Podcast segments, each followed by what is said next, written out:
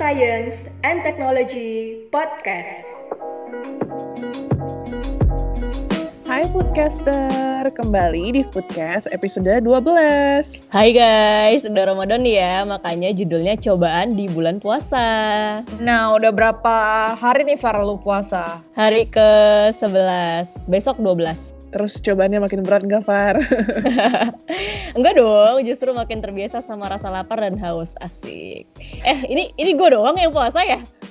iya. iya nih guys, jadi episode ini tuh khusus nih, isinya tentang cobaannya Farisa selama puasa. Harusnya judulnya cobaan Farisa di bulan puasa ya. Tapi ini cobaan teman-teman yang menjalankan ibadah puasa juga sih kayaknya ya. Cuman diwakilkan sama gue aja di podcast ini. Tapi tentunya cobaannya yang berhubungan dengan makan-makan ya guys. Betul, balik lagi dong. Ini kan podcast ilmu dan teknologi pangan. Jadi cobaannya atau godaannya udah pasti tentang makanan dong. Yang julid-julid kita nggak masukin. Iya, benar.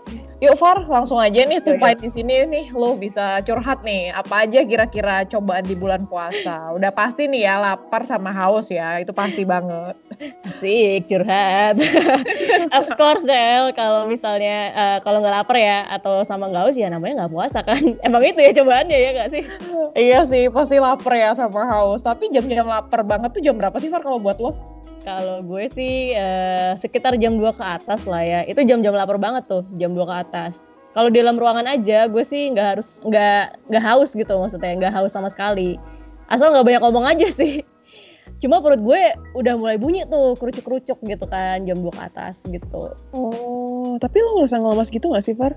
Um, lemesnya adalah karena kalau udah sore tuh sekitar jam 4 gitu gue ngantuk sih. Kayak mungkin memang karena gak ada asupan gula kali ya uh, atau karena jenuh aja gitu. Kayak kalau kalau mau lanjut kerja udah nggak konsen. Yang biasanya kalau lagi begitu bisa istirahat dengan ngemil kalau lagi puasa kan nggak bisa ya gitu jadinya ya ngantuknya mungkin ngantuk bosen gitu kan. Oh uh, ini sebenarnya gue juga darah rendah sih. Jadi karena low blood pressure juga mungkin itu yang bikin ngantuk. Karena kan hmm. peredaran oksigen kan dalam tubuh itu diangkut sama darah ya kan.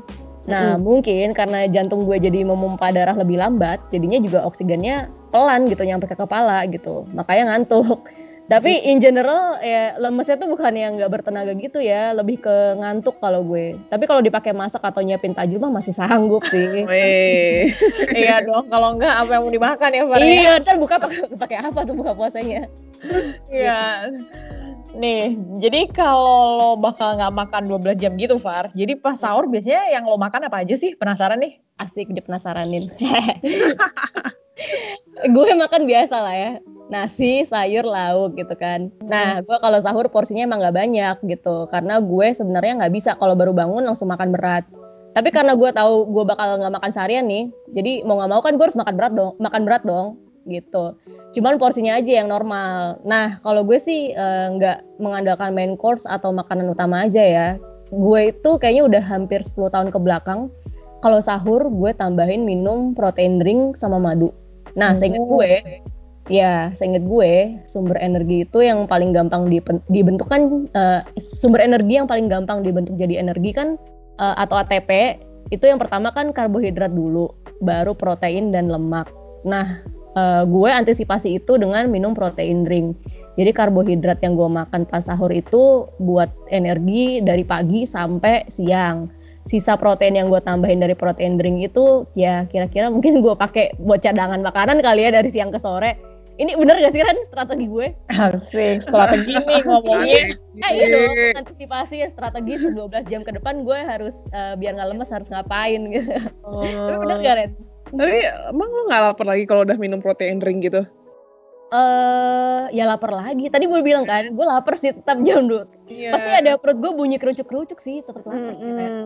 Iya, ini sih sebenarnya prinsipnya pas nggak ada asupan makanan yang jadi sumber energi kita kayak pas lo puasa gini, hmm. ya tubuh kita bakal pakai energi dari uh, yang pertama-tama tuh pakai dari cadangan dari glikogen yaitu kelebihan glukosa yang disimpan sebelumnya saat kita makan sebelumnya misalnya pas sahur gitu kan. Terus yang kedua yang dipakai uh, dengan cara memecahkan lemak yang ada dalam tubuh kita. Nah, yang terakhir itu protein dari tubuh kita. yang proteinnya kurang ideal sih itu misalnya kayak dari otot kita gitu kan. Hmm. Karena ini akan mengganggu jaringan-jaringan otot dan pembangunan jaringan tubuh kita yang lainnya. Karena kan protein ini sebenarnya sebagai pembangun ya. Hmm. Eh, makanya sih perlu sih kayak yang lo itu kan ya ada asupan protein yang cukup sehari-hari, Iya. apalagi pas puasa. Bukan hanya pas puasa, sehari-hari juga yang lain perlu asupan protein. Yoi. Karena kan ceritanya beda nih ya. Pas Ah. puasa cuma makannya dua kali gitu kan, terus Iya. rentangnya itu jauh. Hmm. Kayak lo ini tipe yang nggak bisa makan banyak, jadi ya protein drink bisa jadi alternatif sih Hmm. supaya nanti eh, masa tubuh lo nggak rusak kan karena bakal dipakai sebagai mungkin jadi cadangan energi. Pada intinya sih kalau menurut gue sewaktu puasa perlu juga tetap ikut pedoman gizi seimbang kayak yang Mm. udah kita at- eh, bahas di episode diet o'clock ya. Coba Oh, inget-inget iya, lagi. iya. Heeh, Iya, jadi betul, di situ diatur aja porsinya dan piringnya, jangan berlebihan. Terus em, paling triknya ya kalau mau agak kenyang lebih lama, tapi bukan berarti bakal seharian kenyang ya. Tentu aja pasti udah ada proses pencernaan. Triknya mungkin pas lo sahur atau buka puasa ya eh, lebih banyak konsumsi karbohidrat kompleks, terus sayur-sayur dan buah-buahan yang dikonsumsi secara utuh. Maksudnya secara utuh ya jangan di jus gitu kan. Kenapa? Supaya dicernanya secara lebih perlahan dan rilis energinya juga lebih perlahan gitu kan. Hmm. Tapi ngomong-ngomong nih, lo makan buahnya kapan Farah kira-kira kalau pas bulan puasa? Pas sahur atau pas buka? Eh, bisa dua-duanya sih. Tapi lebih banyak dibuka ya. Maksudnya bukan pas buka puasanya banget yang jam 6 maghrib teng gitu langsung makan eh, makan buah enggak. Tapi malaman lagi kayak sebelum tidur gitu. Ya juga sebelum tidur banget juga. Tapi pokoknya y- antara habis setelah makan malam, gue kan biasanya ya makan malam jam 8-an gitu. Ya pokoknya antara itu. Nah, kenapa harus diatur kayak gitu ya gue juga harus ngatur ruangan di perut gue supaya nggak kepenuhan dan malah bikin asam lambung gue nggak karuan gitu kan. Eh by the way gue juga punya mah ya gitu. Lengkap gak tuh cobaannya ya? Udah darah rendah mah pula ya kan? Aduh.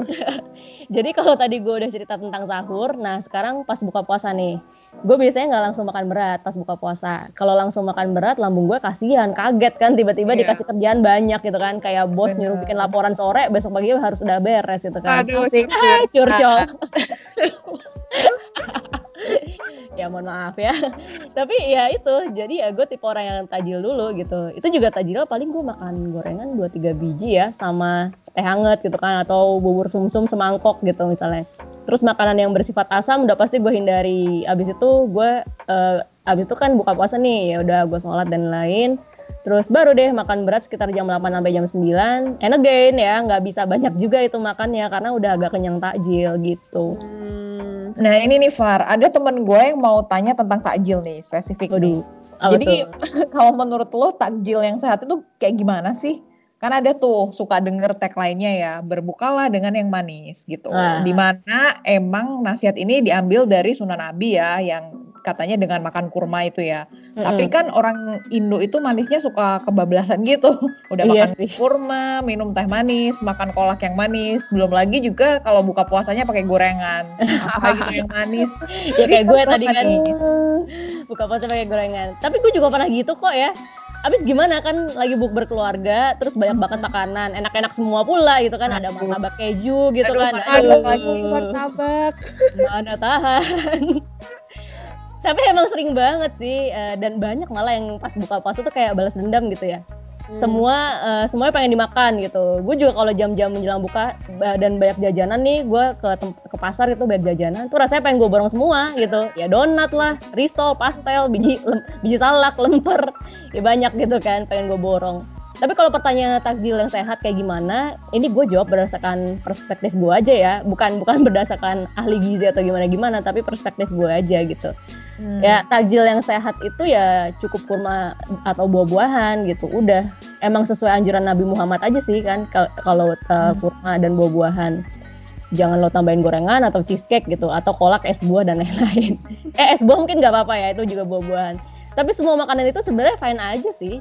Sah-sah aja lo boleh buka puasa pakai makanan apa pun gitu kan. Asal lagi-lagi nih, ah, lagi-lagi nih ini nih yang sering kita tekankan di setiap episode, jumlahnya lo batasin gitu kan. porsi Hmm. matters ya. Yoi, bosan gak sih lo denger kayak gini mulu? Tapi emang bener kayak gitu.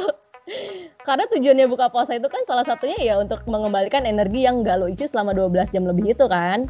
Nah, Iya. tapi sebaiknya disesuaikan dengan kebutuhan dan kesehatan gitu sih. Kalau kalau untuk tagline berbukalah dengan yang manis, itu tadi udah sebagian dijelasin Irena ya, kayaknya karena gula kan part of carbohydrate gitu. Jadi emang makanan manis itu meningkatkan gula darah dan paling mudah dipecah jadi energi.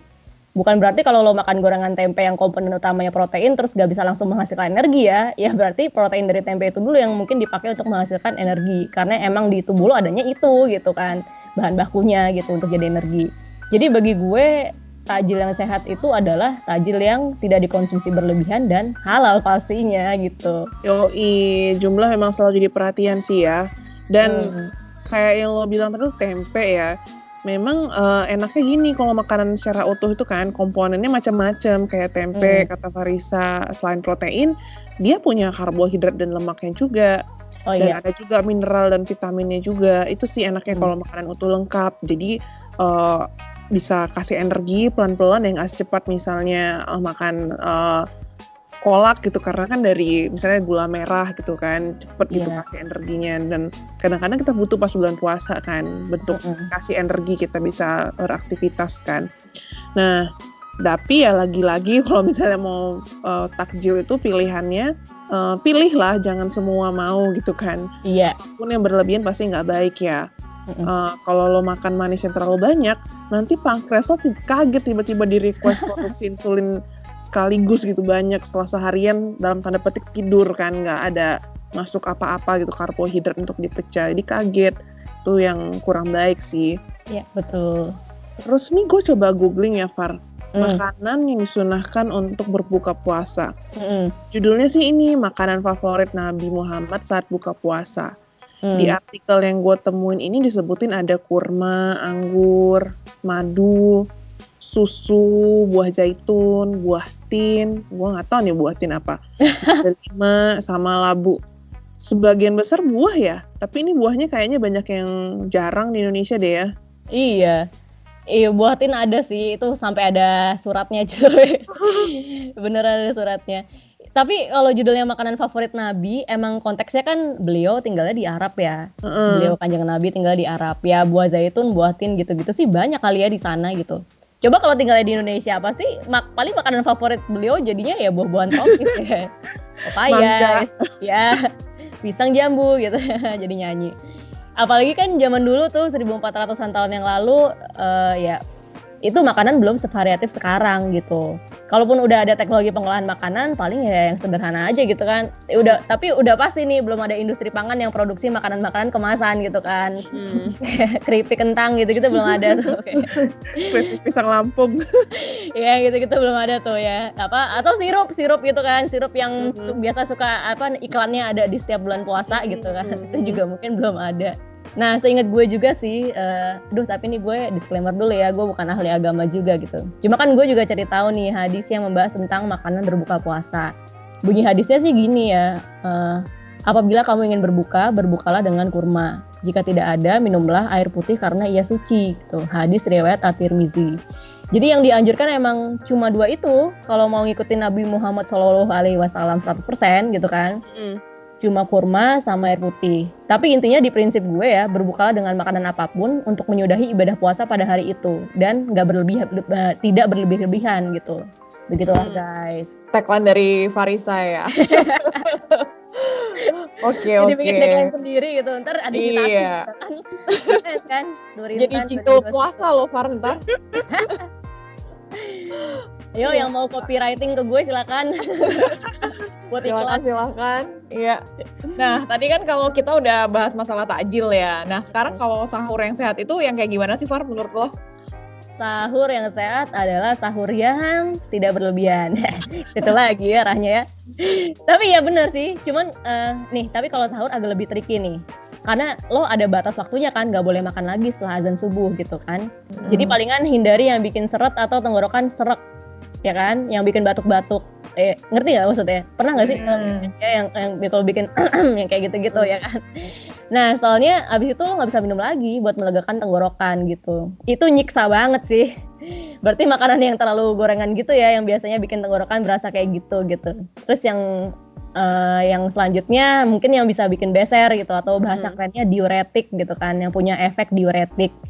Terus eh, sama yang pedes banget sampai bikin mules, takutnya dehidrasi gitu kan karena buang air terus gitu. Mm-mm. Hmm, iya nih bahaya ya kalau dehidrasi. Eh, Iya. Soalnya ini ya mm, nanti men-trigger pengen minum jadinya ya, padahal lagi puasa gitu ya. Iya nggak bisa minum kan? Hmm. Jadi berarti kalau biar nggak dehidrasi itu baiknya kalau sahur juga makanan yang tinggi natrium juga mendingan dihindari ya Far ya, karena kan Hmm. bikin efek haus terus gitu nggak sih?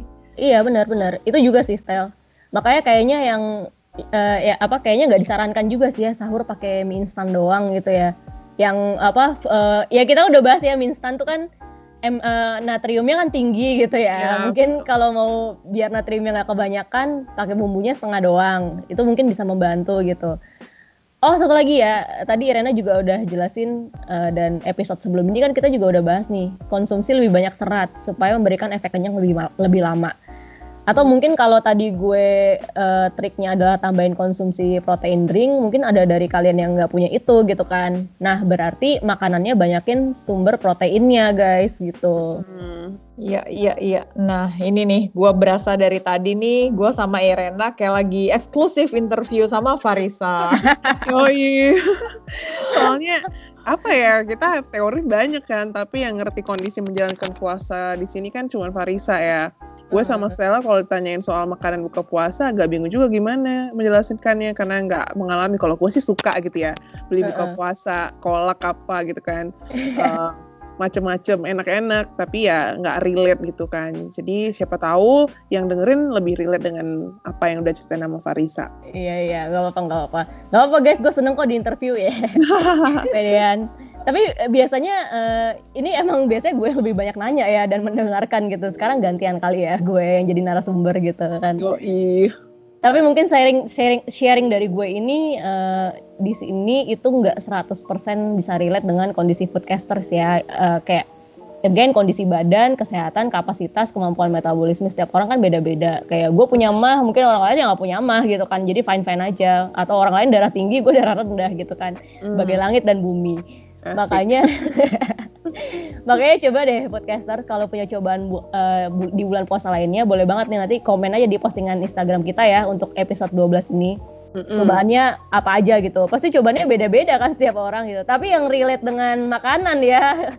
Bukan yang cobaan apa gitu, cobaan kesabaran gitu. Kita bukan podcast ini psikologi.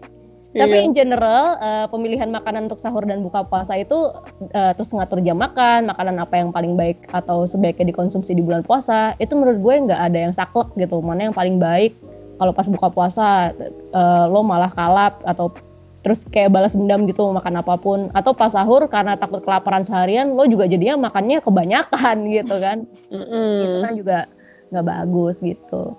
Iya bener, bisa jadi itu cobaan juga ya Far ya, cobaan untuk menahan diri dari makan berlebihan karena balas dendam seharian nggak makan gitu ya. Nah, Bener loh Stel, itu kayaknya bisikan setan juga sih untuk makan Hmm. berlebihan dan menjadi rakus gitu ya. Ya ya gue juga kepikiran itu sih. Ya kalau gue sih udah menemukan pola yang sesuai ya untuk menjalankan menjalankan puasa di bulan Ramadan. Karena gue udah bertahun-tahun kan menjalankan menjalankan ibadah ini gitu kan dari sejak SD gitu. Tapi baru ketemu pola yang tepat tuh ya ya ketemu pola yang tepat maksudnya yang nggak bikin mah gue kambuh gitu, yang nggak bikin lemes itu baru pas kuliah sih kayaknya ya. Dan Hmm. gue juga udah jarang kesiangan sahur karena untuk alasan kesehatan ya gue harus makan pas sahur gitu. Jadi ya gue pasti alarm gue bangun udah nggak gue snooze lagi tuh. Ya snooze paling sekali doang gitu. Bangun. Soalnya gue mau nggak mau harus makan gitu kan. Jadi di umur segini mah cobaan yang paling berat itu udah bukan lapar dan haus lagi guys. Tapi menahan diri untuk tidak gibah gitu kan. Berprasangka buruk. Ngomongin orang alias gosip dan julid. Wuh susah banget kan. Itulah cobaan yang sesungguhnya. itu emang susah ya. Kantor lu tuh gimana, Far? Loh, kok jadi julid? Terima kasih udah dengerin Foodcast. Semoga podcast kita bermanfaat ya. Sampai jumpa di episode selanjutnya.